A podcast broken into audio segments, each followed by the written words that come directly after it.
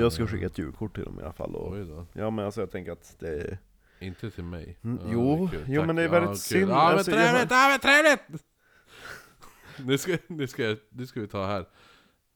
Vi har, vi har försökt spela in den här tidigare en gång, men då var vi, då var vi eller jag var väldigt full. Eller, och det började, det vart typ att ena vittnesmålet i den här historien skulle vara från en fransk person. Mm. Så vi bara, "Ah, ja men vi försöker lite franskt. Men grejen var att vittnesmålet var så långt, så att den här franskan typ övergick till tyska och det var bara fel. Eh, I alla fall, det här, den här historien jag nu ska läsa upp är, liksom jag kommer ihåg den här De osynliga händerna eller vad den hette, Ja. du vet den här som bläddrade bladen där. Mm. Eh, det här är också en av de, eh, väldigt gammal historia. Den här är 102 år gammal och är skriven av Oj. Camille Falmarion Mm. eh, och är döpt till Den hemsökta sängen. Jaha. Och är då typ vad man skulle kunna kalla en föregångare till Creepypastas. Och den går följande. Detta lilla event utspelar sig natten mellan 26 och 27 april 1918 samt natten på på nummer 13 Rue de la Pole i Cherbourg. Huset ägdes av min vän Dr. Bonnefoy, chefsläkare på Marianne Hospital. Jag hade tidigt. Marians hospital Exakt. Jag hade, tidigt, jag hade tidigare sovit där i september 1914 Men med, ändå med min fru, Marianne min sekreterare. Marianne Nej, nej, ingen heter Marianne. Min mamma heter Marianne. Eh, Ingen annan jag hade sovit där 1914 med min fru, min Marianne. sekreterare Mademoiselle Ronaldo och vår unga kokerska efter att ha blivit inbjuden av Madame... Hade han sovit med allihopa? När han hade, de hade rest dit Ja och sovit där Mm. i huset efter att ha blivit inbjuden av Madame Bonnefoy Men hur många hade han sovit med? med sin fru. Ja. De andra sov i andra rum, vilket den här historien kommer att bevisa Okej snart. De hade blivit inbjuden då av Madame Bonnefoy, som var VD över Röda Korset och Femme de France. Ja. Hon hade bö- bönat om att vi skulle lämna Paris och intågen från de barbariska arméerna. mm. Efter att ha återvänt till Paris den följande december valde vi att åka tillbaka till Cherbourg i april 1918 för att slippa eventuella flyganfall efter att ha fått en andra inbjudan av Dr. Bonnefoy som, som följd av ett nytt tyskt intåg i Paris. Under intervallen mellan december 1914 och april 1918 avled Madame Bonnefoy den 25 oktober 1916. Det hade varit en djupgående tillgivenhet mellan oss. Hon hade i huset placerat marmorplakat efter min vistelse där 1914. Hennes man hade i ett rum han ansåg blev ett sorts oratorium placerat hennes säng, de gamla möblerna hon älskade, hennes porträtt och hennes käraste saker att minnas henne vid. Vid återkomsten 1918 hände det så att detta rum tillföll Mademoiselle Renault. Det är även i detta rum de oförklarliga ljuden hördes. Stök, rörelser och ljudet av fotsteg. Vittnena är två personer oförmögna att bli påverkade av någon sorts illusion och är båda oerhört skeptiska, fastän med olika mentalitet. Mademoiselle Renaud, en kvinna av hög vetenskaplig bakgrund, och kokerskan som konfirmatoriskt till hennes övertygelser var eftertänksam och klok. Jag bad dem skriva ner deras upplevelser direkt med högsta noggrannhet.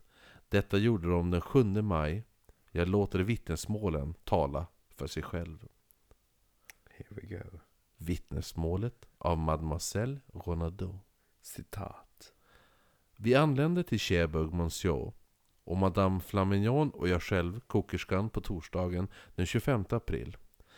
Ända sedan Dr. Bonnefoys inbjudan kom hade jag undrat hur vi skulle bo i huset där vi över tre år tidigare delat familjelivet med de mest charmiga och hängivna av världar. Hur skulle vi anpassa oss till den nya atmosfären i huset nu när doktorn hade gift om sig?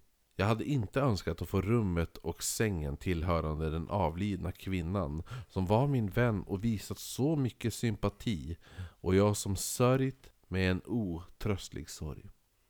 Det visade sig, fastän jag inte fick Madame Susanne Bonnefoys rum, så fick jag hennes säng ändå. Uppburen från bottenvåningen där hon dog till första våningens rum, som visade sig hade varit hennes rum som ett litet barn. Det var en stor bretonsäng som var väldigt gammal och i snidet trä omgivet av en upphängd baldakin.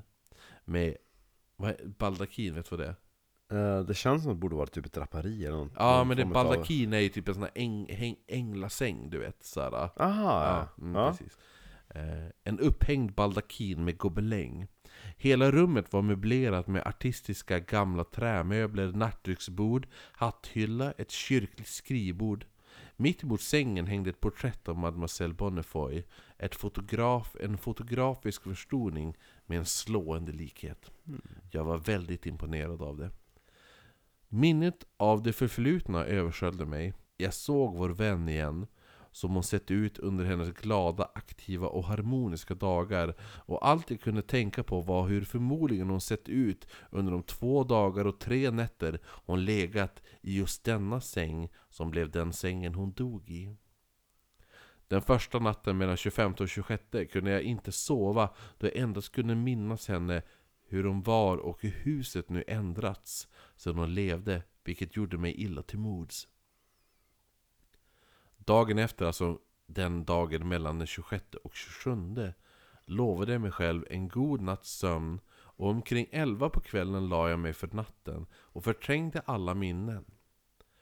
Fyra på natten den 27 så vaknade jag av ett högt ljud vid den vänstra sidan av sängen. Jag hörde ett fasansfullt skramlande som kom från insidan av väggen. Ljudet förflyttades sedan bakom bordet runt om i rummet. Det var även ett vagare ljud som upprepades flera gånger och som lät som en person som vred och vände sig i en säng.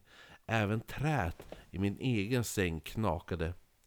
Slutligen hörde jag ljudet av ett tystsamt fotsteg som gled över till vänstra sidan av sängen. Fotstegen passerade sängen och fortsatte in i sällskapsrummet där Mademoiselle Bonnefoy hade en vana av att lyssna på hennes man när han spelade på orgeln eller pianot då han var en utmärkt musiker. Och där Som Andrew Lloyd Webber.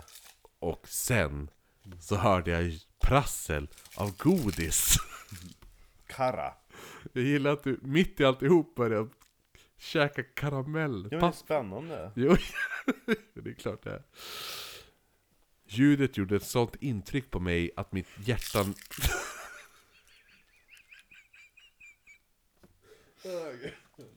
Eller hur? ASMR. Godisätande. Ljudet gjorde ett sånt intryck på mig att mitt hjärta nästan gav upp och käken stelnade fast. I mitt känslosamma tillstånd ställde jag mig upp, tände ett ljus och satte mig ner i en korgstol ståendes i hallen utanför rummet. Där försökte jag för mig själv förklara ljuden jag samtidigt hört, men fast jag inte kunde se dem. Nej! Det här är faktiskt fransk nougat. Ta din franska nougat nu. Ja. Det är jul snart. Vid fem på morgonen tog skräcken av händelserna över och jag kunde inte hålla tillbaka känslan av terror jag stått ut. Och därför begav jag mig till kokerskan Marie, Marie Thionettes rum, som var beläget på tredje våningen. Hon följde mig ner, men efter hennes ankomst hörde vi inget mer. Det kan ha varit anmärkningsvärt att kokerskan Thionette inte alls kom överens med Mademoiselle Bonnefoy. Kvart i sex på morgonen vaknade doktorn som sov på andra våningen och gick in till hans omklädningsrum. Ljuden han framställde medan han vandrade på var inte i närheten av de ljud jag hade hört några timmar tidigare. Under den följande dagen så sökte jag efter en förklaring av fenomenet. Katter, råttor som krafsade i väggarna. Jag undersökte väggarna till vänster om sängen. Den var väldigt tjock och utsidan täckt med len skiffersten som eh, blickade ut över ägorna. Det såg lika dystert ut för katter och råttor som ytterväggen gjorde på Rue de la Polle. Och det bör tilläggas att ljudet jag hörde inte alls var liknande ett ljud framkallat av något sorts djur. Lördagen den 27 april gick jag till sängs kvart i elva, förbryllad och nervös. 15 minuter senare, klockan kvart över elva, började ljuden igen.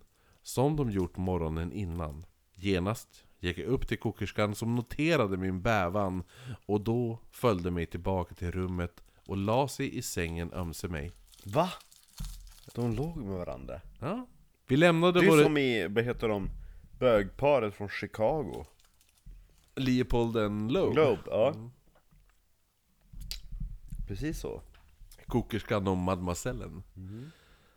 Vi lämnade våra ljus tända och under den kommande halvtimmen Hade vi fortsatte... sex? Ja, det hade vi. Och efter den kommande halvtimmen Mm. så fortsatte de knakande och dunkande ljuden i vänstra väggen. Med så hårda slag att vi trodde att väggen skulle ge vika. Gud, vad de knullar Samtidigt hördes steg glida genom rummet.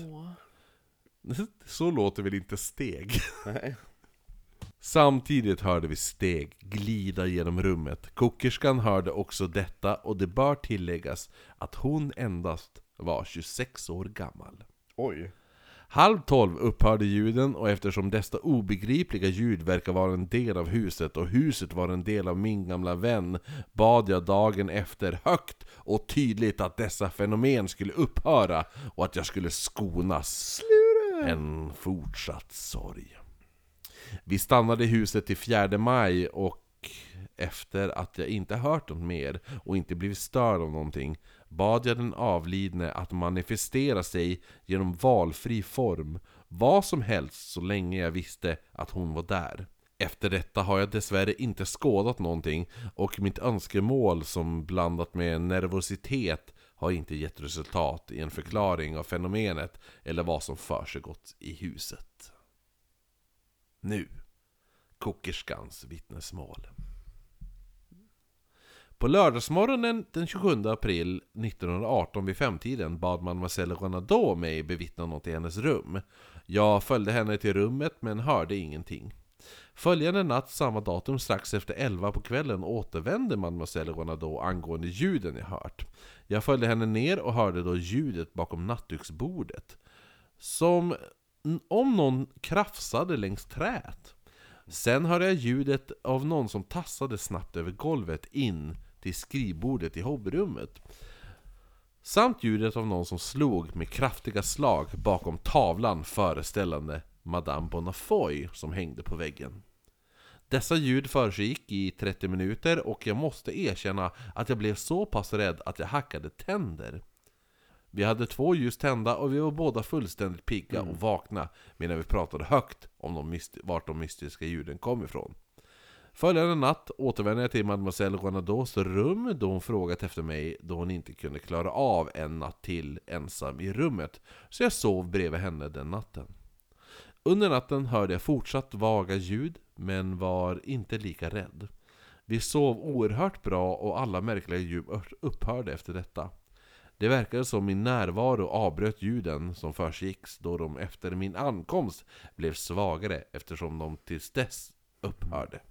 Detta ska inte överskugga det faktum att jag faktiskt hörde någonting allt för väl, även om dessa ljud var någonting jag hade velat erkänna då jag länge ville förneka dem. Jag sov sedan i Madame Bonnefoys säng tillsammans med Madame Renaudot tills den kommande måndagen. Tisdagen och onsdagen, men jag hörde inget mer, vilket jag är glad över då jag helst inte vill återuppleva den halvtimme jag upplevde den 27 april 1918 i Cherbourg. Igen Den, den, den hemsökta sängen. Ja, Om det heter till. ja Det är ganska nice, jag gillar att det är, det är två vittnesmål och en är, är väldigt beskrivande och övertygad om att den är hemsökt. Medan den andra är mest bara, det, det, hem, det var weird stuff som hände. Jag vill inte säga något mer. ja, som vi Va? Som vi Ja, jo precis. Jag gillar den, Ja, på något sätt. Den jo, är den fin. bra jo det, jo, jo, det ska vara någon liten twist på spökhistorier Den är lite mysig ändå. I like i alla fall, det var därför jag tog med den som en lucka. Hej då Marcus Hejdå, Marcus.